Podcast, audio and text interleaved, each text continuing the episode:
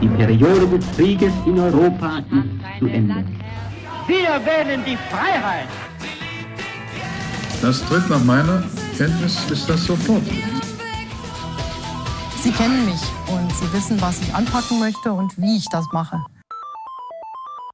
O Leste do Norte, un podcast sobre Alemanha, para Galiza e para o resto do mundo.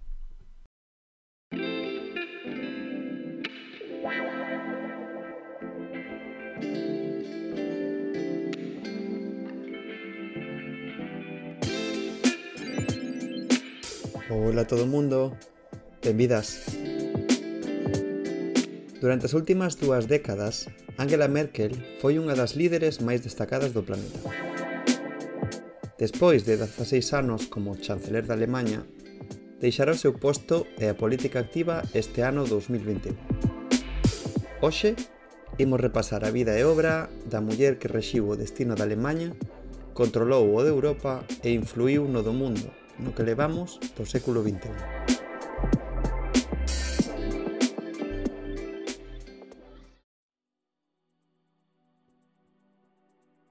Angela Dorotea Kasna naceu o 17 de xullo do ano 1954 na cidade alemana de Hamburgo. Era a primeira filla do matrimonio de Horst Kasna, un teólogo evangelista, e Herlind Kasna, mestra de latín e inglés. A familia mudouse unhas poucas semanas despois do seu nacemento a vivir á República Democrática Alemá, o que coñecemos popularmente como Alemanha do Leste, onde lle ofreceran ao seu pai unha praza de párroco, e ali nacerán os seus irmáns Marcus e Irene. Cabe lembrar que naquela época aínda estaba permitido o paso libre de persoas entre as dúas Alemañas, E o nivel de vida dos dous países era moi semellante, e marcado sobre todo pola posguerra. Sen embargo, non todo era igual, e a súa nai tivo que deixar de traballar, pois o ser un réxime comunista e o seu marido, un home relixioso, o traballo de mestra estaba vetado. O ano 1961 Ángela comezará os seus estudios na escola na que destacaría xa dende moi nova, en especial nas asignaturas de ruso e matemáticas. E mesmo gañará as Olimpiadas de ruso a nivel nacional. Durante estes anos pertenceu á FDJ, a Freie Deutsche Jugend, o equivalente na RDA da OGE franquista e foi a única asociación na que estivo vinculada ao réxime da RDA. No ano 1973 remata os seus estudos de secundaria e ingresa na Universidade Karl Marx de Leipzig para estudar a carreira de Física. Durante os seus anos universitarios, Angela traballará como camareira nunha discoteca dúas noites por semana. E por que razón estudou física? Ela di que foi porque os estudos de física non lle exixían compromiso co réxime.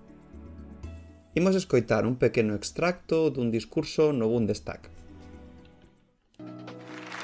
Elixín na RDA estudar física, Na antiga república probablemente non o tería feito, porque eu estaba segura de que moitas cousas poden anularse, mas non a gravidade, nin a velocidade da luz, e outros feitos tampouco, e iso seguirá sempre así.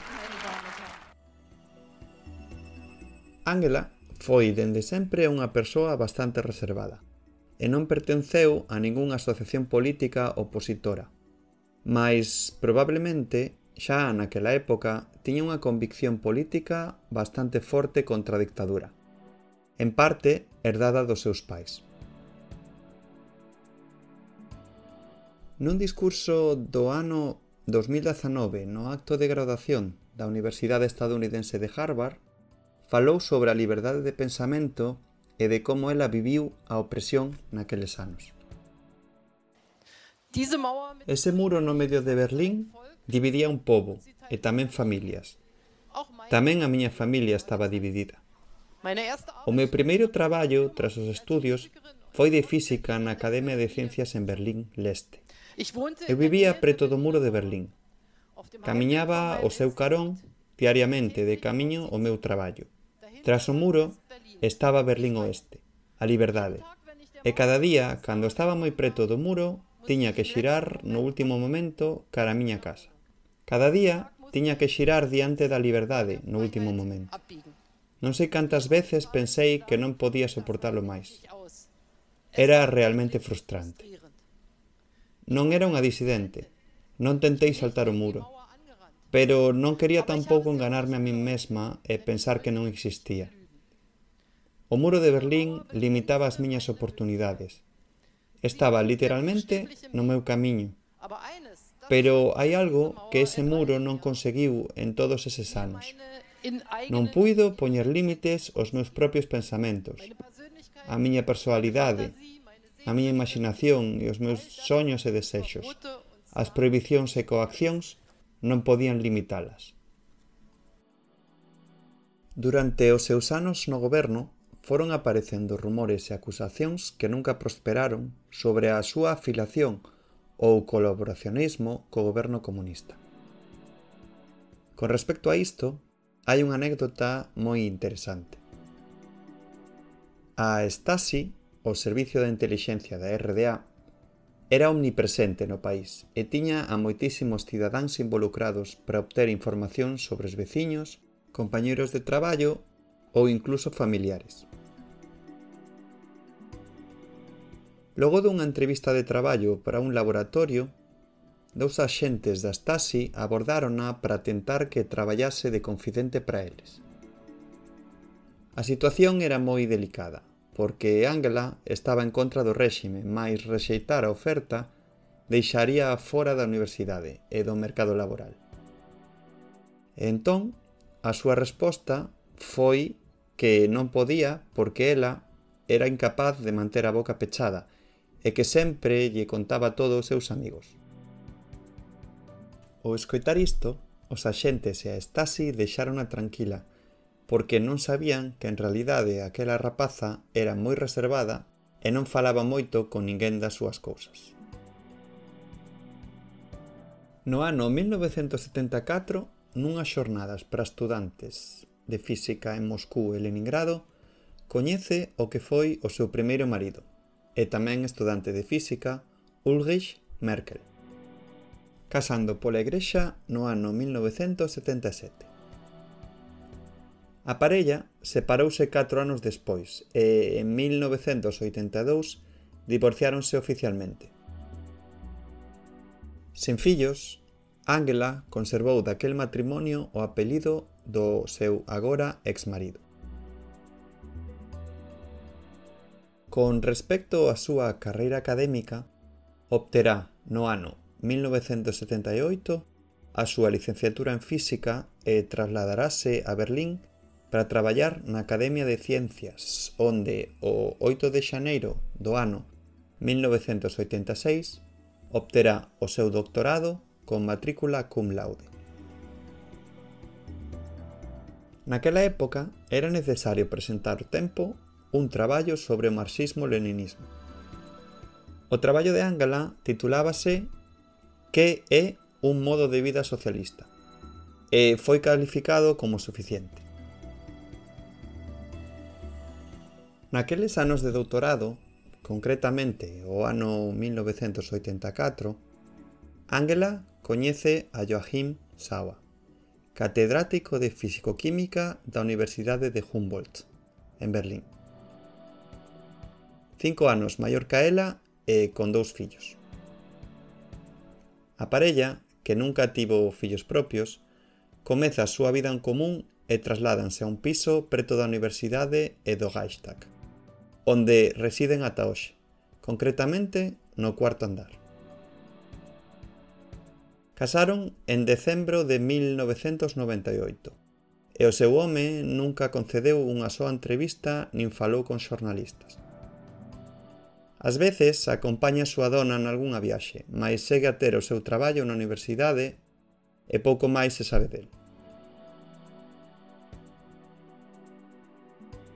Porque Angela aceptou o cargo de presidenta do goberno, pero coa condición de manter parte da súa vida privada. Nunca tivo a intención de mudarse do seu piso, e non é raro vela no seu barrio indo a facer a compra semanal ao supermercado coa carteira na man, aínda que xeralmente desta tarefa ocúpase o seu marido. Iso sí, Ángela fai a lista da compra. O muro de Berlín cae o 9 de novembro de 1989 e directamente Angela Merkel comeza a súa actividade política. Nestes primeiros momentos de incertidume, A aparición de novos partidos e as afiliacións cambian case cada día. A súa primeira intención foi a de afiliarse ao SPD, que é o gran partido de centro-esquerda alemán. Mais varias dificultades fixeron que desbotara a idea a favor do Demokratischen Aufbruch, coas siglas DA que aínda que é difícil de traducir, sería algo así como impulso ou eclosión, espertar democrático. Poucos días antes das eleccións, soubose que o candidato do partido traballara para o ministro de Seguridade da dictadura. E Angela Merkel dirixiu a rolda de prensa na que o seu partido desmarcouse do candidato. O desastre electoral foi maiúsculo o que favoreceu o partido CDU, Christlich Demokratische Union, Unión Demócrata Cristiá, que é o gran bloque de centro-dereita alemán. Os contactos entre partidos van e veñen, e Merkel comeza a destacar. Ela verbalizará varias veces que non quería estar na CDU, mas o seu partido bascula pouco a pouco cara a posicións próximas á CDU, ata que termina por integrarse nel. E Angela foi unha das tres persoas responsables de negociar a fusión. Todo é algo máis complexo, porque a CDU son varios partidos e ademais eran partidos diferentes nas dúas Alemanhas. Mas para non liar moito o asunto, dicir que o resultado é que todos acabaron fusionados. Despois da reunificación da Alemanha o 3 de outubro de 1990, Merkel comeza a traballar como conselleira ministerial da Oficina Federal de Prensa e Información, a BPA. Aínda que durou pouco no cargo, pois dous meses despois foron as eleccións ao Parlamento alemán, gañando Angela Merkel a súa plaza con un 48,5% dos votos da súa suscripción electoral. E aquí chega o punto de inflexión na súa carreira. Esas eleccións gañounas a CDU e o seu presidente, Helmut Kohl, púsoa de forma sorpresiva á cabeza do Ministerio de Muller e Xuventude. Merkel era naquel momento unha muller do leste recén chegada á política a un partido, cheo de xente con bagaxe de anos nese mundo chegaron a chamar de Cols Mädchen, a rapaza de Col, porque o chanceler era o seu único apoio. Angela, consciente da súa posición, comeza a loitar por cargos cada vez máis altos dentro do partido, ata chegar a presidenta no land de Mecklenburgo-Pomerania Occidental. Nas seguintes eleccións do ano 1994, gañan na súa subscrición electoral de novo co 48,6% dos votos e farase cargo do Ministerio de Medio Ambiente ata o ano 1998, cando o seu partido perderá as eleccións despois dunha gran debacle electoral. Nesas augas turbulentas, Merkel obtén o posto de secretaria xeral do partido e nun artigo no xornal Frankfurter Allgemein escribe O partido ten que aprender a camiñar, ten que confiar en si sí mesmo para asumir a loita co adversario político no futuro, incluso sen o seu vello cabalo de batalla. Como alguén que atravesa a pubertade debe separarse da casa e seguir o seu propio camiño. Penso que vou aclarar que cando se refire a bello cabalo de batalla é como lle gustaba chamarse a sí mesmo a Helmut Kohl. Por esta razón foi acusada de matar o seu pai político, mas o seu ascenso non se detivo e dous anos máis tarde, no ano 2000, será elexida como presidenta da CDU. Logo de perder as eleccións no ano 2002, pasará a ser xefa da oposición á fronte do seu partido ata que o 18 de setembro do ano 2005 gaña as súas primeiras eleccións. A victoria foi complicada, pois obtivo un 35,2% dos votos por diante do SPD, que obtivo o 34,2%. Se a victoria era xusta, aínda era peor comparando co resultado do 2002, onde perdera cun 38,5% dos votos. Tras moitas negociacións, logra formar unha gran coalición co SPD e será investida chanceler, a primeira muller na historia de Alemanha e a primeira persoa nese cargo nada na República Federal de Alemanha, pois todos os seus antecesores naceran antes da súa proclamación. Este primeiro mandato estará marcado por tres temas principais. O primeiro é a falta de confianza e loitas internas no seu partido, pois non habían suficientemente forte e capacitada para o cargo. O segundo era a estabilización do Estado alemán despois das reformas estructurais acometidas pola esquerda de Gerhard Schröder. E o terceiro tema é a crise económica do ano 2008, neste primeiro momento con accións internas no país. Chegamos ao ano 2009, cando Angela Merkel é candidata á reelección, que obtén cun 33,8% dos votos. Sobre a Victoria, cabe engadir que nestes anos en Alemanha comezaron a proliferar outros partidos e a dividir o voto do antigo bipartidismo. Formará esta vez coalición co FDP, o Partido Liberal Alemán, que obtivera un 14,6% dos votos nas eleccións. Desta vez, a legislatura poderíase resumir na crise económica.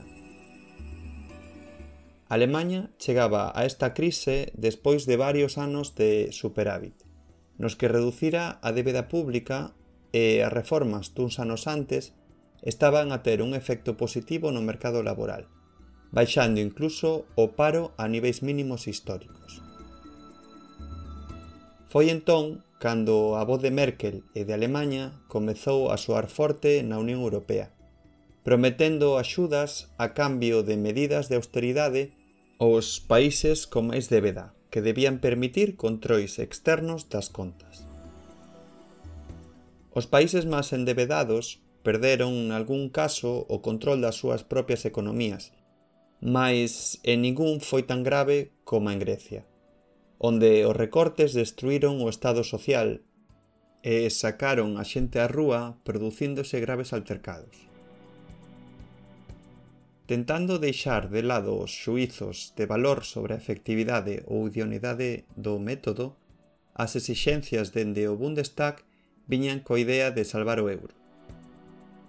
Neste aspecto, a chanceler sempre mantivo unha postura intransixente contra as voces que pedían a expulsión do euro de algúns países ou a creación de dúas zonas euro diferenciadas.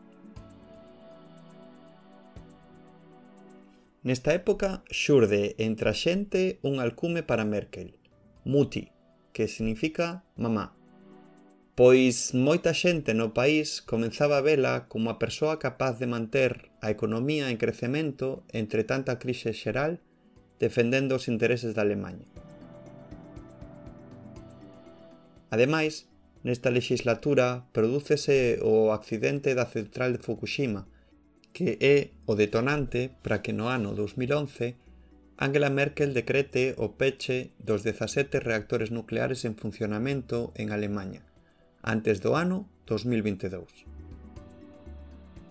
Esta medida aumentou moito a súa popularidade, pois o movimento antinuclear en Alemanha era moi potente dende facía xa unhas décadas. e, entre crises e crueldades varias, chegamos á noite do 1 de setembro do ano 2013, no debate electoral televisado co líder da oposición. As enquisas e o debate non fora demasiado ben para Angela Merkel, e foi no minuto final de cada candidato cando deixou unha frase que ficou na memoria colectiva do país. Queridas cidadás e cidadáns, hoxe confrontamos os nosos argumentos e agora é o seu turno e eh, poden votar. Vostedes coñécenme eh, e saben o que quero facer e como traballo. Tivemos uns vos 4 anos para Alemanha e gustaríame que tamén os próximos anos sexan uns vos anos. Soamente poderemos conseguir o éxito xuntos. E Ángela gañou de novo as eleccións o 22 de setembro do ano 2013, co 41,5% dos votos, a que foi a súa victoria máis importante. Na súa terceira legislatura volveron formar unha coalición co SPD, o Partido de Centro Esquerda, e a CSU, os Demócratas Cristians de Baviera. A coalición sumaba 504 votos, mais Merkel foi investida con 462, é dicir, con 42 votos menos dos agardados. Cunha economía estable e unha Europa que comezaba a recuperarse tras a gran crise, estes 4 anos estiveron marcados pola guerra de Siria e os millóns de persoas escapando dos seus horrores. Dende o ano 2012, Alemanha converterase no maior doante o Programa Mundial de Alimentos, doando ata o ano 2018 máis de 5.000 millóns de euros. Mais, no ano 2015, a situación fíxose insostible e comezou o debate na Unión Europea para acoller refuxiados. Varios países opuxéronse, mas o goberno de Angela Merkel era partidario dun reparto entre os diferentes países da Unión. Finalmente, e debido ao bloqueo nas negociacións, o goberno decide abrirse aos refuxiados solicitantes de asilo. O 31 de agosto do ano 2015, esa decisión quedou inmortalizada na frase de Angela Merkel vía Schaffen das. Digo que Alemanha é un país forte. E o motivo polo que faremos isto é porque temos logrado moitas cousas e somos capaces. Somos capaces e cando atopemos dificultades no camiño, superarémolas, traballaremos nelas e a Federación fará todo o posible, traballando conxuntamente cos Estados, conxuntamente coas comunidades para conseguilo. Vía schaffen das algo así como somos capaces ou conseguiremoslo. Esta frase quedou na memoria colectiva alemá e, aínda que pouco a pouco vaise diluindo, relacionase todavía a día de hoxe con ese momento. A opinión pública estaba dividida. Nun principio maiormente a favor da medida, comezaron a xurdir voces en contra nos colectivos que vivían de axudas sociais, por medo a ter que repartir e ver disminuídas as súas axudas e, por outra banda, na extrema dereita, concretamente na Alternative für Deutschland, AFD, Alternativa para Alemanha, que viu un nicho de votantes cos que crecer e asentarse. Detrás dunha decisión deste calibre, hai varias consideracións, mas ningunha verdade absoluta. Por unha banda, dise que había un interese económico, pois, aínda que esas persoas supoñían unha carga enorme para o Estado a curto prazo, no longo prazo serían traballadores que aportarían traballo á economía alemana que, como a maioría dos países europeos, están vendo diminuir a súa poboación. Sen embargo, está tamén bastante presente a idea de que Angela Merkel tomou a decisión sen facer demasiados números e por razóns humanitarias. E o tempo foi pasando ata que na noite de fin de ano do 2015 ao 2016 varias mulleres foron violadas por grupos de homes inmigrantes preto da estación de Colonia. Aquí o debate subiu de tono, tanto na rúa como a nivel político. A extrema dereita de AFD creceu e afianzou o seu electorado que con subidas e baixadas seguen a manter ata hoxe. Pese a todo, Alemanha deu asilo a máis de un millón de refuxados, dos que a día de hoxe máis da metade están xa integrados na sociedade, e traballando polo que semella que Angela o conseguiu. Mas hai aquí outro asunto importante sobre as conviccións e pensamentos de Merkel que non se pode pasar por alto. Os países e as sociedades tenden a avanzar a diferente ritmo en diferentes áreas. E a sociedade alemá, e perdoade a consideración persoal, está algo atrasada en algúns temas de dereitos sociais. Un deles, que afortunadamente hoxe está arranxado, é o dos dereitos das parellas homosexuais. E Angela Merkel tamén tivo unha evolución persoal neste aspecto. Imos agora a falar de tres momentos. O 9 de setembro do ano 2013, Angela Merkel asistiu a un programa de televisión no que varias persoas preguntábanlle cousas un home homosexual conta que vive coa súa parella dende fai 10 anos e que lles gustaría adoptar a un neno, o que nese momento non era posible en Alemanha. Despois da primeira pregunta sobre o que pensa, Ángela responde. Falei con moitas persoas e aínda así eu non vou facer unha proposta de lei a favor da igualdade na adopción. Sei que para moitas parellas do mesmo sexo isto é difícil, mas non estou segura de que debamos facer que a adopción sexa igual que para parellas de homes e mulleres.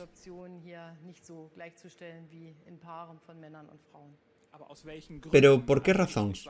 Eu sei que non queren, mas non podo entender cales son as súas razóns de por que os nenos non poden crecer igual de ben nunha parella do mesmo sexo. Ich bin Penso que é unha discusión controvertida. E continúa por un par de minutos dándolle voltas máis sen argumentar nada claro. Saltamos agora ao ano 2015. Todos os partidos do Bundestag, a GAS, a CDU e a AfD, votan a favor da legalización do matrimonio homosexual en igualdade de dereitos co matrimonio heterosexual. Sí, dixen ben, ano 2015. Angela Merkel, despois de votar en contra, xustifícase cunha rolda de prensa improvisada no corredor do Reichstag. Podía, damas e cabaleiros, quería explicarlles por que hoxe non apoiei a proposta de lei. Nos últimos anos fomos eliminando paso a paso as discriminacións das parellas do mesmo sexo. Queda finalmente a pregunta sobre a adopción de nenos sen excepcións. Alguns lembrarán que no ano 2013 a miña resposta a esa pregunta non foi satisfactoria, nin sequera para min. E dende aquela tiven esas preguntas sobre o benestar dos nenos moi moi presentes. E cambiei neste tempo a miña posición sobre o tema e que a adopción de nenos debe ser posible para parellas do mesmo sexo.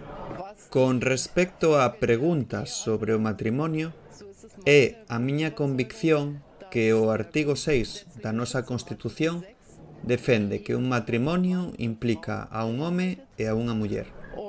E o meu convencemento constitucional levoume a que en relación a esa pregunta abrir o matrimonio a parellas do mesmo sexo debe ser vista como un asunto de elección de conciencia. Para min, un matrimonio na Constitución é un matrimonio entre un home e unha muller. E por iso, hoxe votei en contra desta proposta de lei. É certo que o que hoxe se dixo no debate Foi unha discusión longa, intensa e, para algúns, mesmo moi emocional. Para min persoalmente, tamén. E por iso, espero que non soamente siga o respeto entre os opoñentes nas diferentes opinións, senón que tamén podamos conseguir un pouco de paz e cohesión social. Moitas gracias.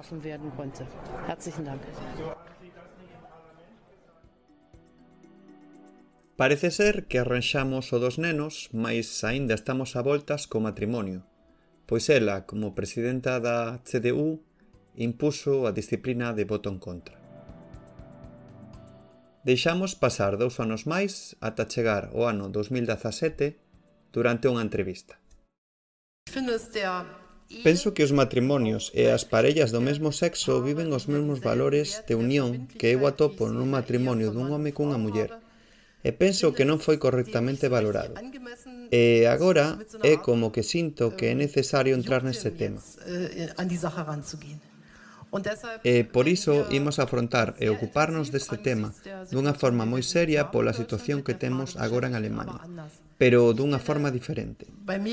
Eu coñezo no meu partido, na CDU, e eu inclúome a moitos que reflexionaron moito sobre este tema, que dende fai moito din que estas parellas viven os meus valores e, aínda así, de alguna maneira crece o sentimento de que un home e unha muller é xustamente o matrimonio que coñecemos, e que outro é unha parella igual de valiosa E naturalmente xoga tamén un papel para as persoas que están unidas pola igrexa.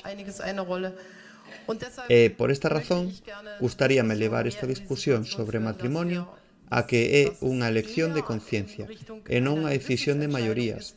Als dass ich jetzt hier per Mehrheitsbeschluss irgendwas durchpauke. E gustaríame que pese a campaña electoral trates este asunto con respecto e con especial atención cara aqueles que teñan dificultades cunha decisión como esta. Sei que a traducción pode soar algo enrevesada, pero aseguro que en alemán é igual de enrevesado. Semella que ten unha evolución bienal neste asunto. Desgraciadamente non atopei ningunha entrevista nestes últimos anos na que lle volveran a plantexar a pregunta. Chegamos ás súas derradeiras eleccións, as do ano 2017, na que a CDU volveu gañar obtendo o 32,9% dos votos e formando coalición de novo co SPD e a CSU. Pasada a crise do 2008, tendo un liderato sólido e cunha economía estable, semellaba que ia ser unha legislatura tranquila. O comezo tivo algúns problemas de saúde que non trascenderon demasiado, e logo chegou a pandemia do COVID-19, na que Merkel mostrou o seu lado máis emocional en varios discursos, e entre eles, o máis destacado, Soamente quero dicir que se temos demasiados contactos antes de Nadal e logo resulta que é o derradeiro nada cos avós é que fixemos algo moi mal e non debemos facelo. Falar destes últimos e derradeiros anos do goberno, aínda tan recentes e activos, non é unha boa idea, así que quedará para outra ocasión. Imos deixar así un pouco a política e centrarnos nalgúns datos e curiosidades da súa vida. De pequena, a súa primeira vocación foi a de ser patinadora artística. Co seu metro 68 de altura, e calzando un 38 de pé, podería telo alo menos tentado, mas o certo é que nunca foi unha persoa moi deportista. Contan que no trato persoal é unha persoa moi simpática e de fácil conversa, mais que nunca foi de facer moita festa. Durante os seus mandatos tivo moi boa relación con Macron e Obama, pese aos asuntos de espionaxe. A súa primeira borracheira foi aos 18 anos na festa ao rematar o instituto. O parecer, pasouse coa cervexa e o whisky e caeuse dun barco á auga. Foi unha fumadora de paquete diario durante moitos anos, ata que en 1993 tivo un resfriado bastante forte e decidiu deixalo. Nos últimos anos manifestouse a favor de endurecer as restriccións aos fumadores. A Ángela hai dúas cousas que lle dan bastante medo. Os raios e os cans. Este segundo medo venlle do ano 1995, cando un can traboulle na perna mentres facía un tour en bicicleta. Este dato era ben coñecido por Putin, En a primeira visita de Merkel a Moscú, Putin deixou entrar a un labrador na sala na que estaban sentados e deixou que lle andara a cheirar nas pernas. A súa cara era un poema. Por certo, as conversas entre Putin e Merkel son sen intérpretes, así que parece que de verdade os premios que gañou Angela de ruso sendo unha nena eran bastante merecidos. Gústalle a cor por Deus, Bruce Springsteen e Robert Redford. A súa nai foi ata a súa morte afiliada ao partido do SPD, a oposición do de Ángela. As súas vacacións soñadas son no tren transiberián por Mongolia e tamén Hawái. Mais, con respecto ás vacacións, un dos seus destinos preferidos é a illa de La Gomera, onde foi pasar uns días nos últimos veráns. Gústalle moito o kebab, con carne e sen salsa, por favor. E para rematar coas curiosidades, fai bastantes anos confesou que lle encantaría coñecer a Vicente del Bosque. Aí queda iso. Para ben ou para mal, cos seus erros e acertos, Angela Merkel é un dos nomes importantes que quedarán para a historia dos comezos do século XXI. Según contan dela, é unha persoa que sempre prepara toda a conciencia. Infórmase e asesórase sobre todo o necesario. Din que incluso nas confrontacións políticas, Merkel coñece ás veces mellor o programa político do seu oponente que el mesmo. A súa vida política foi unha loita continua contra os rivais que foron aparecendo no seu camiño e, según parece, porque cada un contará a feira como lle foi, a razón do seu triunfo é simplemente que ela era mellor, máis intelixente, máis rápida e mellor preparada que ninguén. Transmite unha sensación de control e nunca se altera ante preguntas contestando de forma pausada. Foi criticada nas súas políticas por beneficiarse das reformas feitas polo goberno anterior, de non acometer novas e de non invertir o suficiente en infraestructuras ou noutras áreas como a educación e na transición digital. Por outra banda, recoñécese que foi quen de manter unha estabilidade económica e social no seu país, reducir o paro e afianzar o papel da Alemanha no mundo. Independentemente das súas ideas políticas ou da súa xestión, foi unha persoa respetada en xeral polos alemáns. E a súa marcha deixa unha gran incerteza nos resultados das próximas eleccións. A súa vida cambiará nos próximos meses, mas probablemente seguirá vivindo no seu piso de Berlín, irá ao supermercado e quizáis faga co seu home as vacacións soñadas. Pode que mesmo atopemos algún de nós polas Illas Canarias.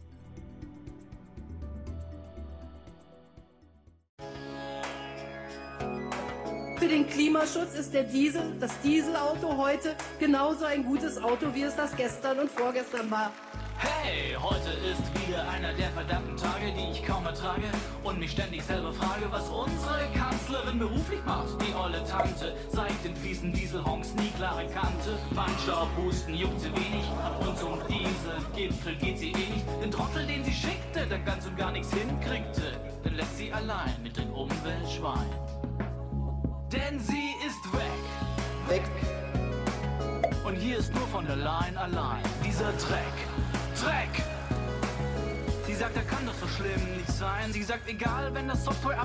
E ata eh, aquí chegamos con Ángela. Espero que vos gustara a súa voz cando fala galego. Jetzt warten wir die Dinge mal in aller Ruhe ab. Ja, ja, Angela. Como sempre, moitas grazas por escoitar. E comentarios, correccións e peticións son benvidas en ao arroba gmail.com.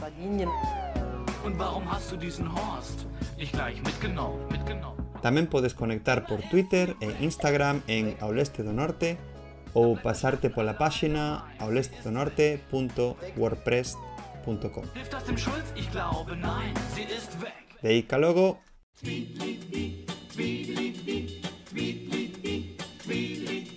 Tweedly, tweedly, tweedly.